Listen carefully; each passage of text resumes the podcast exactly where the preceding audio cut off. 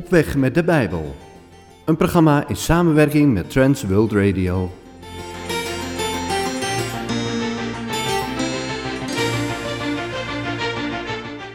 Welkom, leuk dat je luistert naar Op weg met de Bijbel.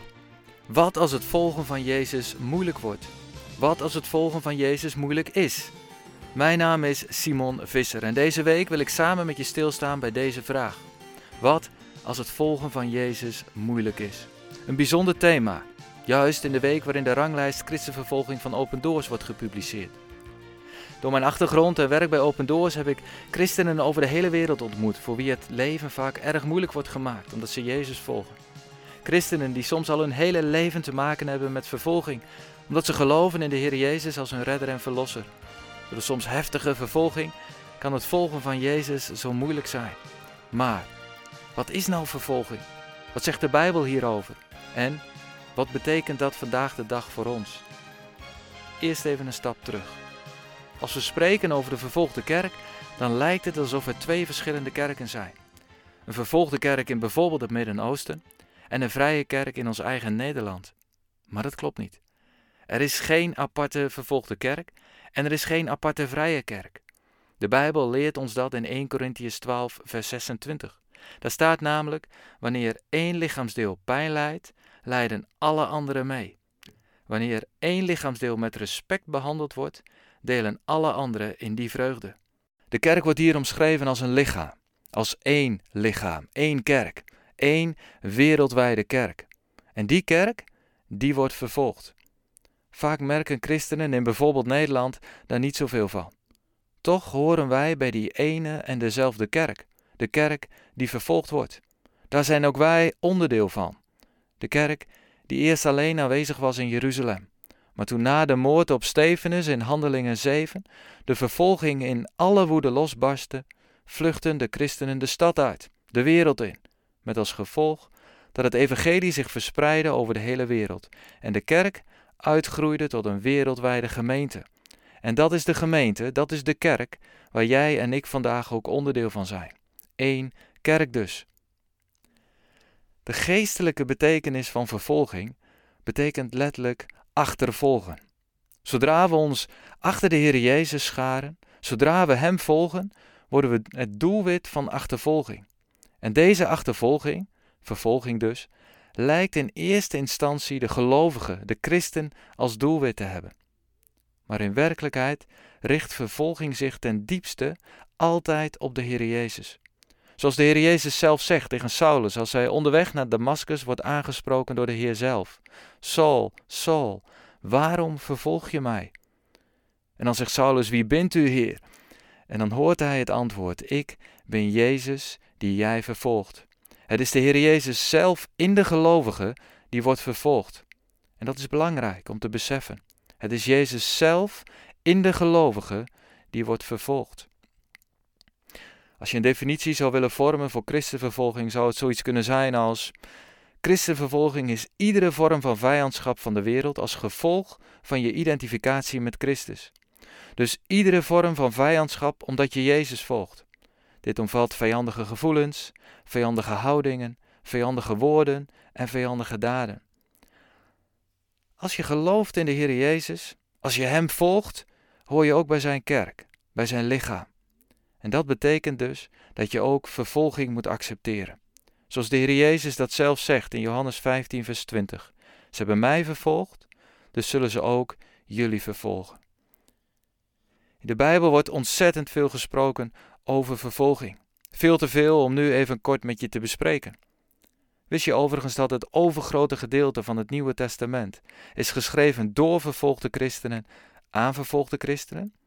En ook in het Oude Testament vind je heel veel voorbeelden van mannen en vrouwen die trouw blijven aan hun geloof in de Heere God en daardoor te maken krijgen met weerstand, met moeilijkheden, met lijden en beperkingen. Vandaag wil ik graag met je kijken naar een van de beroemdste en bekendste Bijbelgedeelten, namelijk de bergreden. Dat wil ik doen aan de hand van het Evangelie van Lucas. Laten we met elkaar lezen Lucas 6, de versen 17 tot en met 23. In dit gedeelte geeft de Heer Jezus misschien wel de beroemdste speech uit de wereldgeschiedenis. En daar staat het volgende.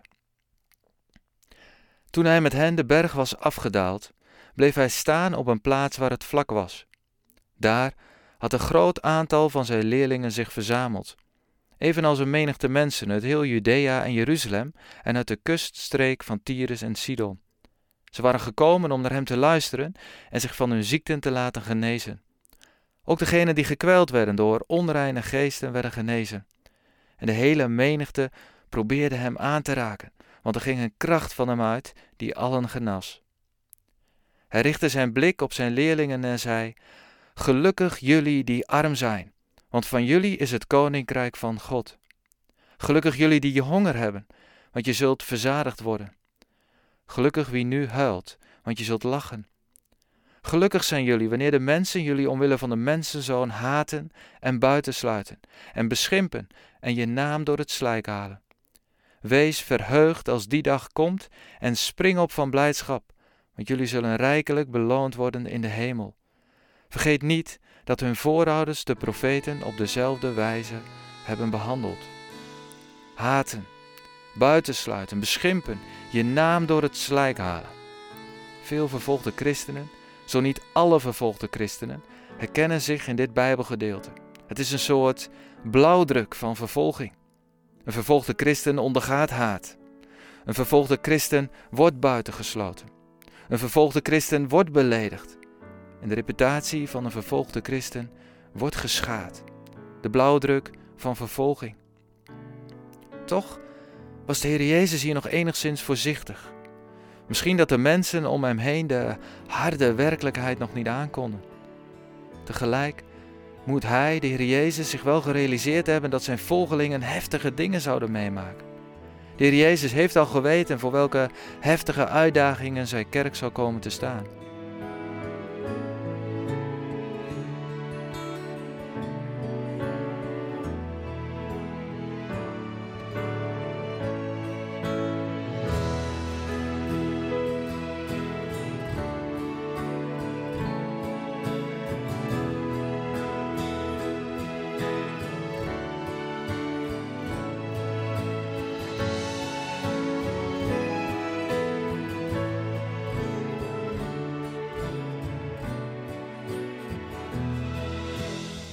Stukje verder in de Bijbel, in de brief aan de Hebreeën, gaat het er al een stukje heftiger aan toe.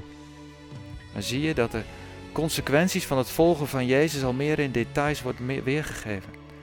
Lees maar mee. Hebreeën 11 vanaf het tweede gedeelte van vers 35. Een paar versen. Daar staat het volgende. Anderen werden gemarteld tot de dood erop volgde en wilden van geen vrijlating weten, omdat ze uitzagen naar een betere opstanding. Weer anderen kregen te maken met bespotting en geesteling, zelfs met arrestatie en gevangenschap. Ze werden gestenigd of doormidden gezaagd of stierven door een moordend zwaard. Ze zwierven rond in schapenvachten of geitenvellen, berooid, vernederd en mishandeld. Ze doolden door verlaten oorden en berggebieden en verscholen zich in grotten en holen onder de grond. Ze waren voor de wereld te goed. Dit is nog een stukje heftiger dan in de bergreden. Martelingen, dood, bespotting, geesteling, arrestatie, gevangenschap, steniging en zelfs door midden worden gezaagd. Vermoord door het zwaard, rondzwerven, berooid, vernederd, mishandeld. De realiteit van christen zijn. De werkelijkheid als gevolg van het volgen van Jezus. De ellende en heftigheid spatten vanaf in deze Bijbelgedeelte de duisternis, het verdriet en de ellende wat het teweeg brengt, het lijden, de beperkingen. Het deed me in de voorbereiding van deze overdenking denken aan David uit Eritrea. David werd opgepakt en in de gevangenis gezet vanwege zijn geloof in de Heer Jezus. Hij werd zelfs gevraagd een document te tekenen waarin stond dat hij ermee instemde om nooit meer in de Bijbel te lezen, om nooit meer te bidden en nooit meer samen te komen met andere christenen. David weigerde dit document te tekenen. Hij vertelde het volgende over zijn tijd in de gevangenis. Hij zei: Ik werd regelmatig uit mijn cel gehaald. De bewakers dwongen me elke keer opnieuw om mijn geloof af te zweren. Ze sloegen elk gedeelte van mijn lichaam, totdat ik ervan overtuigd was dat ik dood zou gaan. Ik dacht aan de Heer Jezus en voelde me vereerd dat ik deelde in zijn lijden. Ik herinner me dat ik in mezelf zei: Heer, vergeef hen alstublieft. Zij weten niet wat ze mij aandoen, maar ik leg mijn ziel in uw hand. Toen David drie maanden in de gevangenis opgesloten zat, smokkelde hij met behulp van een paar andere christelijke gevangenen en mensen buiten de gevangenis een Bijbel naar binnen. Uiteraard zonder dat de bewaking hiervan afwist. David vertelde verder.